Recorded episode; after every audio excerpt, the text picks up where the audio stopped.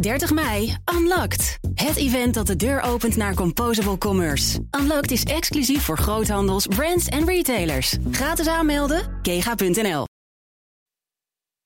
De derde dinsdag van september nadert met rassenschreden en dus wordt er stevig op losgeraamd. Dat en meer bespreken we in het economenpanel. Vandaag bestaande uit Philip Bokelo, senior econoom bij ABN AMRO. Hans Stegeman, hoofd Research en Investment Strategy bij Triodos Investment Management.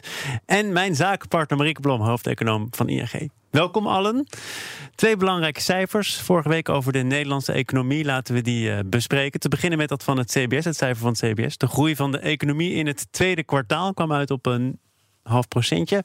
Voor velen was dat een verrassing. Een grotere of een minder grote verrassing, maar toch. Uh, Hans, voor jou ook?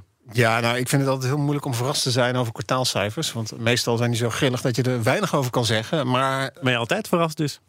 Ja, of ik ben altijd verrast, dat maakt niet zoveel uit. Maar de verrassing, om het zo te noemen, was natuurlijk wel dat hij met 0,5% hetzelfde was als kwartaal ervoor. Kwartaal op kwartaal.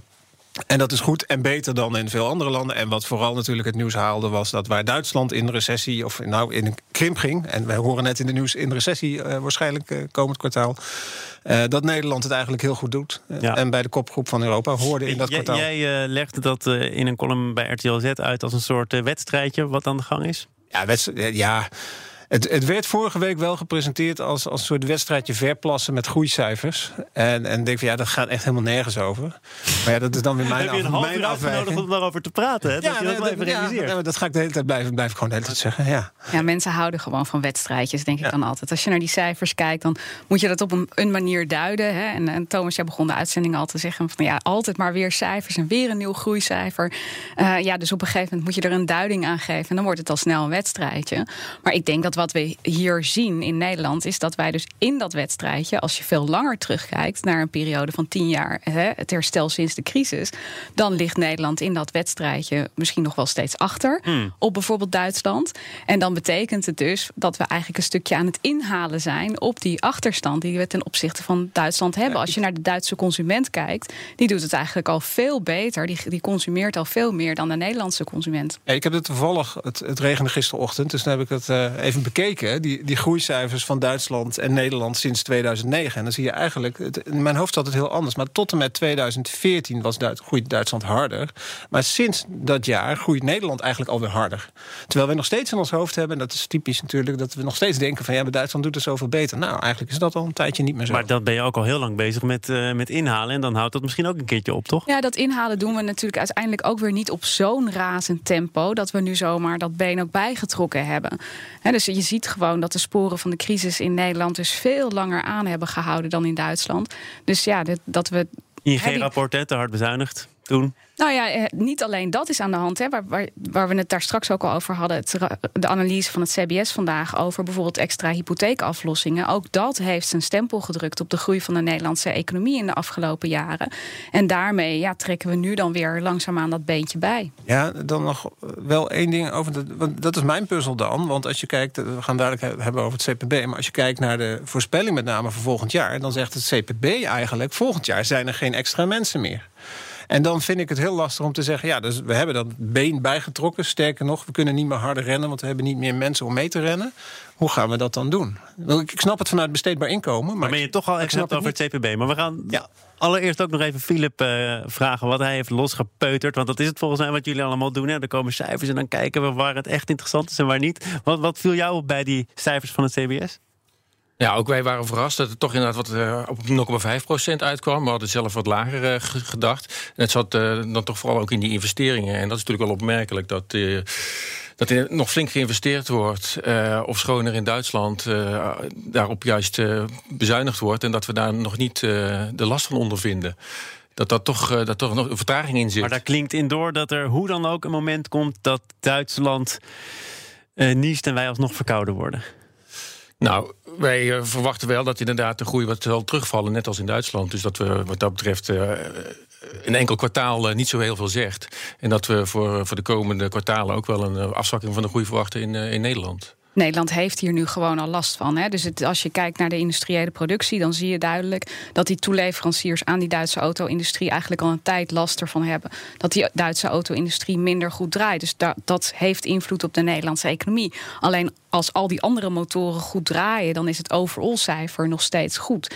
En wanneer wordt het spannend voor Nederland? Dat is op het moment dat ook echt de binnenlandse vraag terug gaat vallen in Duitsland. Want het zijn dan niet meer alleen maar die industriële bedrijven die daar last van hebben. Maar dan krijgen bijvoorbeeld ook onze handelsbedrijven en onze vervoersbedrijven er last van als die groei minder is in Duitsland. En langs die weg zou je dan kunnen zien dat de Nederlandse economie ook echt geraakt wordt. Gaan we het dan nu hebben over de CPB-cijfers? Nou, ik wil nog even terugkomen op de overheid en de rol van de overheid. En dat komt ook een beetje dan eh, in de buurt van wat jij zei. Hebben we nog wel genoeg mensen om het allemaal te kunnen bolwerken? Want je ziet dus dat de overheid wat minder heeft uitgegeven dan gedacht.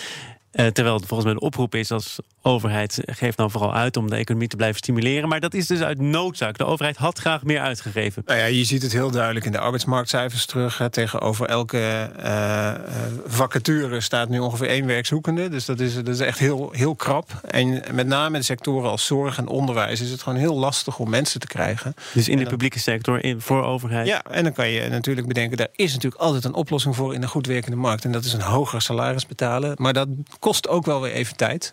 En eh, ja, dat gaat gewoon niet zo snel. Nou, ik denk dat er ook nog een aantal andere dingen kan gebeuren. In een aantal sectoren geldt denk ik dat de productiviteitsontwikkeling heel beperkt is geweest in de afgelopen jaren.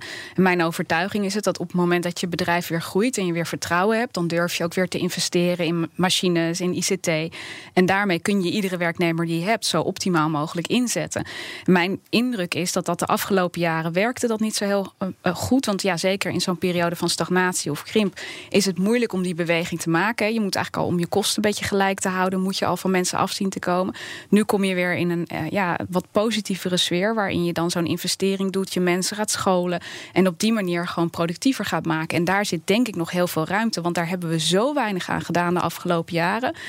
dit, dat, dat aloude statement van je ziet computers overal, behalve in de productiviteitsstatistieken. Nou, ik denk dat daar nog heel veel ruimte zit. En het zou goed zijn als de Nederlandse economie, als bedrijven daar in ieder geval maar mee Maar dat dat de afgelopen jaren is nagelaten, dat komt nog omdat bedrijven uh, of geraakt door de crisis. Niet meer durft het Niet meer durven. Dat, dat blijf je heel lang voelen, kennelijk. Dat denk ik wel. Ja, dat is niet het enige. Dit is natuurlijk ook een internationaal probleem dat we niet snappen waarom die productiviteit stijgt. En uh, we hadden net over de collectieve sector. Daar is het nog lastiger om de productiviteit van een onderwijzer of in de zorg uh, te realiseren. Dus uh, hopen op alleen maar productiviteitsstijging, wat, wat ook wel hard nodig is, want waar moet je anders je groei vandaan halen, is, is wel vooral hopen. Ja, nou ja, maar in, eh, in het VK wordt er op dit moment ook heel weinig geïnvesteerd met oog op de brexit. En wat je ziet is dat de werkgelegenheid desondanks toeneemt. Dus die bedrijven die nemen mensen aan om toch in de vraag te voorzien, maar stellen in investeringen uit. Dus die onzekerheid die remt investeringen. En als die onzekerheid overslaat naar onze economie, zou er vergelijkbaar eh, effect kunnen optreden. Waarbij we minder investeren in, in machines en meer in mensen. Ja, nou dat is, dat is het risico, denk ik inderdaad. En ik denk juist als je naar die, uh, een sector als de bouw bijvoorbeeld heeft ja, begint nu eindelijk stappen te maken om aan zijn productiviteit te werken. Dus je ziet dat er steeds meer digitalisering en robotisering ontstaat. En dat het een voor het eerst in, de, geschiedenis dat we in metingen juist minder arbeidsproductief geworden zijn. Volgens mij is dat van een maand geleden dat we ja, dat, was op een zeker moment voor een bepaald jaarcijfer inderdaad. 2016, en ik... gecorrigeerd voor ZZP'ers die toch weer wat meer gewerkt hebben dan Precies. vooraf ingeschat. Maar, maar, ondanks alles wat we hier heel vaak bespreken. Robotisering, automatisering, allemaal middelen om ons productiever te maken. Ja, dat minder ja het ingewikkelde daarvan is dat dat heel goed een samenstellingseffect geweest kan zijn. Dus wat gebeurt er? Toen was de economie weer aan het groeien, werden er weer mensen aangenomen. En dat zijn dan juist vaak de lager opgeleide. Dus die worden toegevoegd aan, het, aan die totale pool van werkende mensen. Die tellen ook mee in die statistieken hoeveel produceer je dan mm. per uur. En die drukken daarmee de gemiddelde productie. Dus het is ook een klein beetje een statistisch okay, fenomeen. Maar zo werkt dat met cijfers, toch? Je kunt het op verschillende manieren uitleggen. Er is hier iemand die een bepaald cijfer heel graag wil behandelen. namelijk van het CPB. Nou, dat, Wat wil je erover zeggen, Hans? Nou, ja, leuk dat je dat uh, vraagt. Uh, dat hangt wel, om, om het even simpel te houden, aan bij de vorige discussie. Als je kijkt naar het groeicijfer van de CPB voor, voor, voor volgend jaar, uh, anderhalf procent, is op zich hartstikke goed, uh, denk ik. Ehm, maar dat hangt op twee dingen. Als je kijkt naar de bestedingenkant, is het uh, vooral binnenlands. Heel weinig internationale handel, wat denk ik ook uh, heel logisch is gezien de internationale context. Maar als je kijkt naar de productiekant. Um, dan komt die groei voor het allergrootste deel door de stijging van de arbeidsproductiviteit in de raming van de CPB. En maar voor uit mijn hoofd 0,2 procentpunt door uh, extra werkgelegenheidsgroei.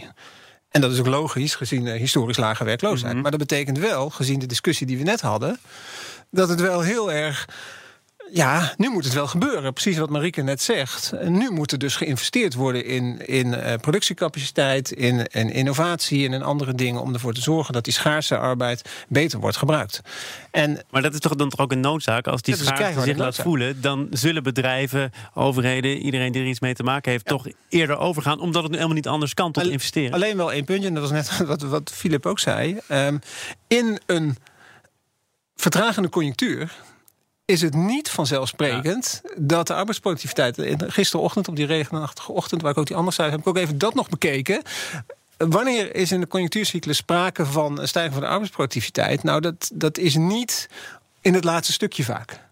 Want dan zie je de vraag al Je uitvallen. moet iets tegen natuurlijks gaan doen. Ja, en dat vind ik wel een hele spannende. Ja, maar dat, dat hangt er natuurlijk van af. Als het binnenlandse sectoren zijn die steeds maar verder blijven aantrekken. En bijvoorbeeld, ik noem maar wat, een winkel waar nu gewoon eh, de, de winkelmeisjes zich staan te vervelen, toch alsnog meer kunnen omzetten. Dan, dan zou er best wel eens nog een boerenruimte kunnen zijn. Dus daar ben ik dan toch wel optimistisch over hoor. Doorgaans is de groei van de productiviteit zit vooral in de externe sector, omdat daar de grootste concurrentie heerst. Dus dat wordt wat lastig. Die ramingen van het eh, CPB die gelden ook als basis voor de miljoenennota voor Prinsjesdag, de derde dinsdag in september. Op basis van wat we nu deze week gehoord hebben van het CBS, van het CPB.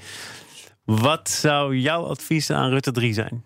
Ja, eh, Ja, een belangrijke positie als adviseur van het kabinet. Nou ja, hou, eh, wees bereid om eh, geld bij de hand te houden om het uit te geven. En eh, het is nu niet gelukt om de plannen te realiseren bij gebrek aan personeel. Maar misschien zijn er ook nog andere terreinen waar geïnvesteerd in kan worden. En er is natuurlijk veel te doen geweest rondom de klimaattafels. Daar moet geld voor worden gereserveerd. En misschien dat het niet in de plannen die eerder op tafel lagen daaraan besteed moet worden, maar meer aan, de plannen rondom de klimaattafels. Is, is dat het devies? Blijven investeren, blijf in ieder geval dat geld beschikbaar houden als overheid. Ook voor Nou ja, ik de zou, miljoenennota. Ik zou eh, ja, zeker investeren, maar langjarig eh, niet gek laten maken. Niet gaan hebben over be- koopkrachtbeloftes. Dat lijkt me het domste wat toch alweer gebeurd Nou, ik denk toch wel dat dat een belangrijke rol gaat spelen. Gaat ja, want het zeker is het jaar voor de verkiezingen. En ik snap het allemaal, maar dat zou juist mijn advies niet zijn. Eh, Probeer dat langjarig perspectief te schetsen met een, met een gigantische investeringsagenda op het gebied van duurzaamheid, op het gebied van infrastructuur. Dat zou mijn advies zijn. Heel kort, jij nog een laatste slotadvies voor het kabinet? Of eh, vraagt dat iets te veel tijd voor nu? Ik vind het wel iets te veel tijd vragen. Nee, ik zou laat je niet gek maken, lijkt me om te beginnen goed advies. Mooi. We hebben ook een perspectief. Dat is eerst even een korte break. En daarna gaan we het hebben over een recessie. Want koersen wij daar regelrecht op af of is er nog een uitweg? En te gast is het eh, economenpanel vandaag bestaande uit Philip Bokelo van ABN AMRO... Hans Tegeman van Triodos en mijn zakenpartner Marieke Blom van ING. En eh, we waren van plan om het met jullie over eh, recessie te hebben. De vrees voor recessie. Maar Hans, ja, dat onderwerp kunnen we eigenlijk skippen... want ja, die komt er dus niet. Dat heeft Trump zelf gezegd. Ja, dat, eh, daar hadden we het net even over tijdens de break. Ja, eh, Trump die zei, eh, die recessie komt er niet. Dus ik ga ervan uit dat net als alles wat deze man zegt... dat het ook gaat gebeuren. En dat legt nog meer druk op de Fed, op, op Powell... om het te gaan regelen. Hè? Dus, dus, dus nog meer. Ja, en wat hij ook nog kan doen is wat... wat, wat, wat eh, andere experimenten met wisselkoersen om die proberen te drukken. Dat, dat kan hij dat kan die, dat kan die nog doen. Maar het kan ook Nou, zijn dat hij... eh, sorry Marika? Nou, het was eigenlijk, hè, zeg maar, je zag dat gisteren ook al zijn economisch adviseur doen. En die zei heel duidelijk van ja, maar als het nodig is, dan gaan we bijvoorbeeld al die tarieven die we nu heffen op de invoer, die gaan we gewoon teruggeven in de vorm van belastingverlagingen. En op die manier kunnen we de economie nog stimuleren. Er hè. Trump ook niet heeft meer ook zo heel veel ruimte natuurlijk. Nee, goed, maar ze- wat je ziet is dat zij, hè, wat ik er in ieder geval uit opmaak, is dat ze ontzettend gefocust zijn op die economie en kosten wat het kost willen voorkomen dat ze volgend jaar in die recessie zitten op het moment dat het verkiezingen zijn. En ik durf Trump niet te voorspellen, maar mijn logica zou zijn, als hij dat absoluut wil voorkomen, dan moet hij op enig moment die handelsoorlog afronden. Nou ja, hij is, ik denk, eh, niet eens gefixeerd op economie, maar vooral op financiële markten. En op het moment dat daar maar weer iets gebeurt, eh, dan moet er weer een tegen. Hè, dat zagen we vorige week natuurlijk ook heel nadrukkelijk gebeuren. Dat zal deze week eh, niet anders zijn. Eh, dat moet overeind gehouden worden, die financiële, met alle risico's van dien. En dat is gewoon een heel gevaarlijk spel. Maar Marika haalde net die adviseur aan, die economisch adviseur. Dat is eh, meneer Cutlow. En die heeft dit weekend inderdaad gezegd... eh, de consumenten werken, de lonen stijgen, ze spenderen, ze sparen. Wij verkeren in prima vorm. Philip, heeft u daar niet ook voor een belangrijk deel gelijk in? Nou ja, ze hebben onlangs ook de tarieven voor China verhoogd. En kort daarna trokken ze het weer in. En dat was met oog op de kerstverkopen. Omdat eh, sommige van die tarieven toch wel inhakten op de prijzen van de spullen die de consumenten tot zich wilden nemen. En alleen dat het feit dat ze dat dan weer terugdraaien, geeft toch aan, wat mij betreft, dat ze zich ook wel enige zorgen maken over die consument. Dus het vertrouwen van die consument dat is niet, niet onaantastbaar.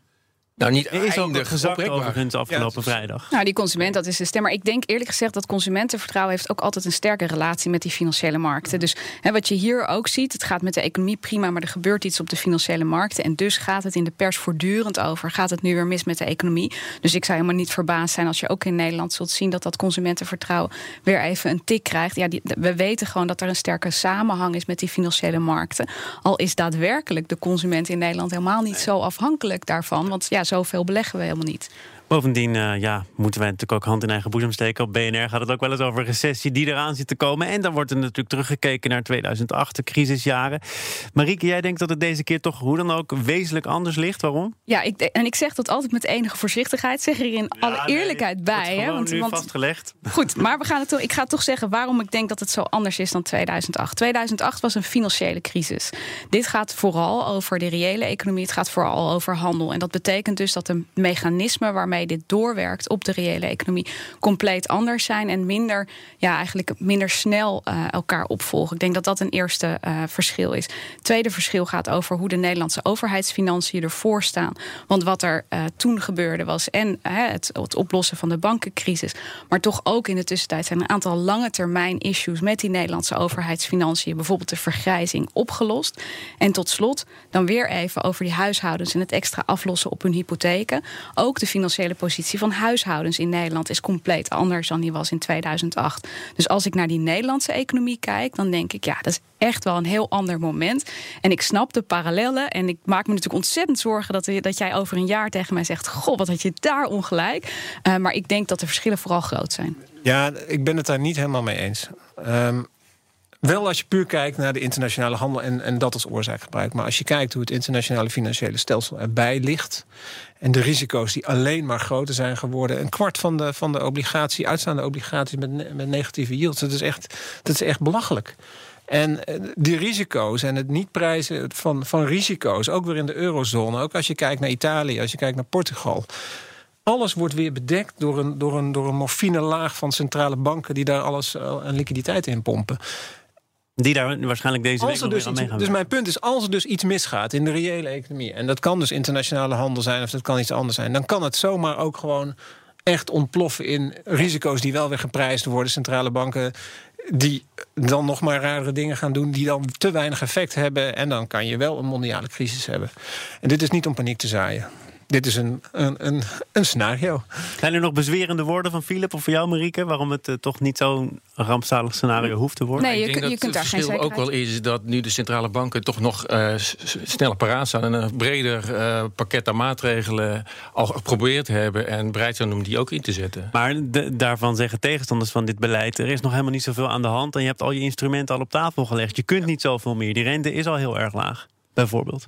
Hangt er ook wel van af naar welke economie je kijkt. Dus voor de Amerikaanse economie geldt van ja, die maken al een tekort terwijl het goed gaat met de economie. En voor de Nederlandse economie en voor de Duitse economie ligt dat weer heel anders. En dan moeten we toch ook in Nederland niet vergeten dat we vooral ook een grote binnenlandse economie hebben. En natuurlijk is export belangrijk.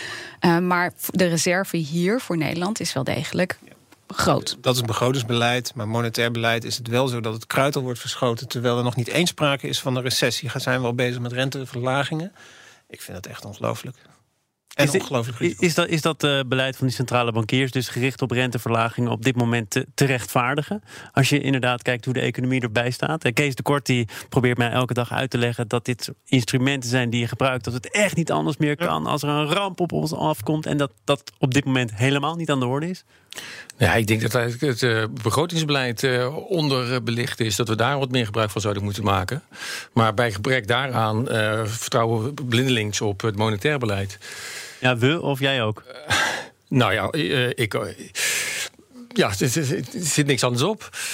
Hangt er ook een beetje van af waar je kijkt, denk ik. Hè? Als je kijkt naar de Verenigde Staten, ja, daar zie je uh, dat de centrale bank echt alles wil doen, ook maar een beetje een terugval van de economie te voorkomen. Terwijl die economie in de afgelopen jaren al zo ontzettend goed gedraaid heeft. Dus die positie is daar inderdaad heel anders.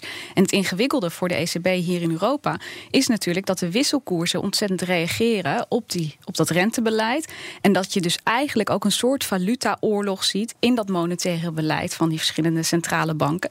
Waarin ze niet voor elkaar achter kunnen blijven, omdat als ze dat doen, ze daarmee hun exportpositie sterk verslechteren. Dus het is, ze, ze zijn van elkaar afhankelijk en het zijn ook reacties op elkaar, waarvan het, het startpunt in de Verenigde Staten inderdaad nog niet directe aanleiding geeft om, uh, om hard het gaspedaal in te drukken. We gaan van het uh, wereldwijde toneel naar een uh, nieuwbouwwijk in Roermond. Dat kan zomaar in het economenpanel. Dat heeft te maken met een uitspraak van de Raad van State over stikstof. Want het is het eerste grote nieuwbouwproject dat niet door kan gaan door dat stikstofbesluit van de Raad van State. Het gaat over het programma Aanpak Stikstof. En Hans, jij zegt: dit is een teken van deze tijd. We lopen op allerlei mogelijke manieren tegen de grenzen van onze groei aan. Ja. Dat wil zeggen, we gaan dit heel veel vaker zien? Ja, ik denk het wel. Ik, ik vind het een. Uh, ik vind het heel goed dat de Raad van State nu, nu, nu, het Nederlands kabinet houdt aan wat in Europa is afgesproken. Maar dat heeft wel serieuze consequenties. En je zag als eerste reactie hierop. Uh, van er kunnen dus uh, woonwijken niet worden gebouwd, veehouderijen kunnen niet uitbreiden, de A27 kan niet verbreed worden. Dan wordt er in eerste instantie toch volledig in het econom economisch paradigma geschoten. Zeggen, ja, maar dat kan niet, want dit moet doorgaan.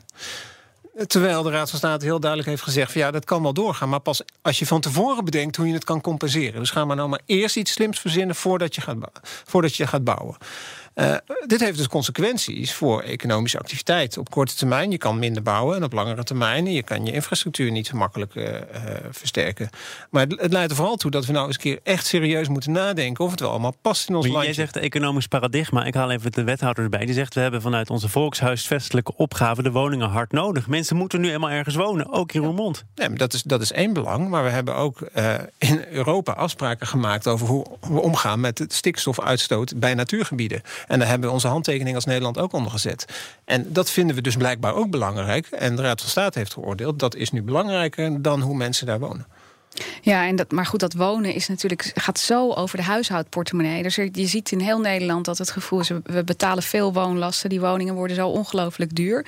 Dus dat, vanuit sociale, uh, sociale bril is het hartstikke belangrijk dat er extra gebouwd wordt. En ik denk eerlijk gezegd dat je wat je de komende jaren zult zien is de grenzen van het milieu komen steeds dichter naar ons toe. Hè. Je noemt dat als econoom externe effecten, maar ze komen zo dichtbij dat ze mensen daadwerkelijk gaan raken. En tegelijkertijd verwacht ik dat het maar een klein groepje mensen is wat zegt ik ben bereid om ook de economische pijn daarvoor te nemen. Want kijk maar eens hoe moeilijk het, ik, ik, ik het de afgelopen jaren al gehad ja, heb. Dit, dit is geen keuzemenu meer. Hè? Dat, dat vind ik juist het mooie eraan dat we nu voor het eerst zien, anders bij klimaat en die discussie die we het afgelopen jaar hebben gehad, waar we nog kunnen zeggen, ja, misschien gaan we iets doen.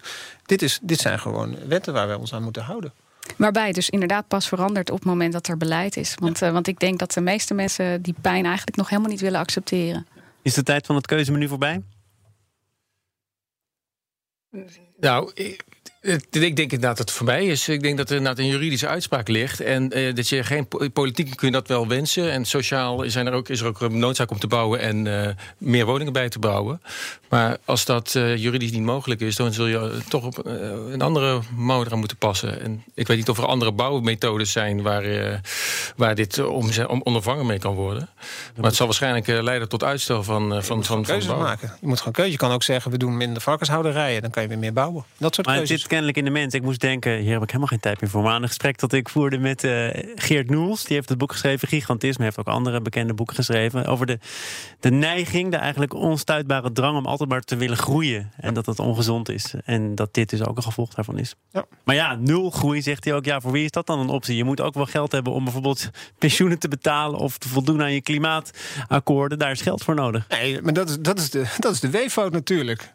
Zolang wij een systeem hebben wat alleen maar gericht is op groei, we hebben geen tijd, maar, maar zolang we een systeem hebben wat alleen maar gericht is op groei, ja, dan blijf je in een cirkel redeneren. Ja, we moeten groei hebben, om, je moet het systeem ja. veranderen, zodat je ja. geen groei meer nodig nou. hebt. Nou ja, ik zie dat toch, toch wel vooral. Dat zijn mensen waarmee het relatief goed gaan, die bereid zijn om die economische nee, de groei. De rest is verdeling. Dat jij het klokje zag, dat zie jij. Ja, sorry, sorry Thomas, echt vervelend. Hans, Filip, Marieke, heel erg bedankt voor jullie komst. Ja, ook voor je debuut als zakenpartner. Nou, leuk hoor. Kom zeker nog een keer terug.